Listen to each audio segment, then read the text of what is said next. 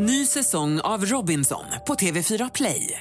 Hetta, storm, hunger. Det har hela tiden varit en kamp.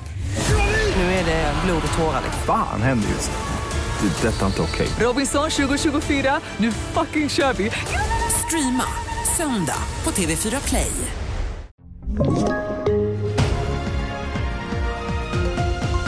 Mördad kvinna misstänks ha gängkoppling. Idag hörs den misstänkte ryske spionen och stora skönhetskliniker i topp hos IVO. Jag först i TV4-nyheterna om att en kvinna sköts under natten till döds i Uppsala. Det misstänkta mordoffret uppges enligt källor till TV4-nyheterna vara en nära anhörig till en högt uppsatt inom den gängkriminella världen.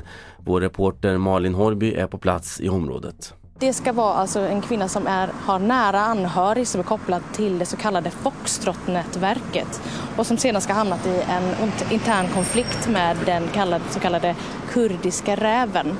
Och enligt uppgifter till oss på TV4-nyheterna så är det här också en teori som polisen arbetar med och att det sker en våldseskalering i det här gänget just nu. Så om rättegången mot en svensk-rysk man i 60-årsåldern som misstänks ha spionerat för Rysslands räkning under minst 10 års tid. Idag ska mannen höras i rätten och mannen tros ha levererat hemlig teknologi som kan användas till kärnvapenforskning.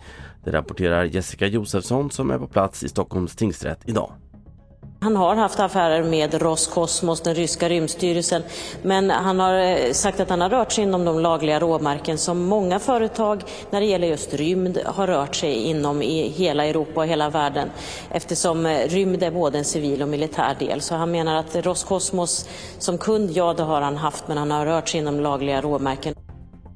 Kalla fakta fortsätter att granska den svenska skönhetsindustrin och kan idag avslöja att det är de största klinikerna som har flest anmälningar hos IVO. Vi hör Daniel Lilja som är avdelningschef på IVO. Det är ju särskilt allvarligt om det finns stora aktörer som, som bedriver verksamhet med dålig kvalitet. Och Kalla faktas granskning finns ute på TV4 Play och sänds också ikväll klockan åtta. Och sist om att regeringen vill sänka skatten på bensin med 1 krona och 64 öre per liter till nästa år. Dieselskatten sänks med 43 öre per liter. Fler nyheter i appen TV4 Nyheterna. Jag heter Carl-Oskar Alsen.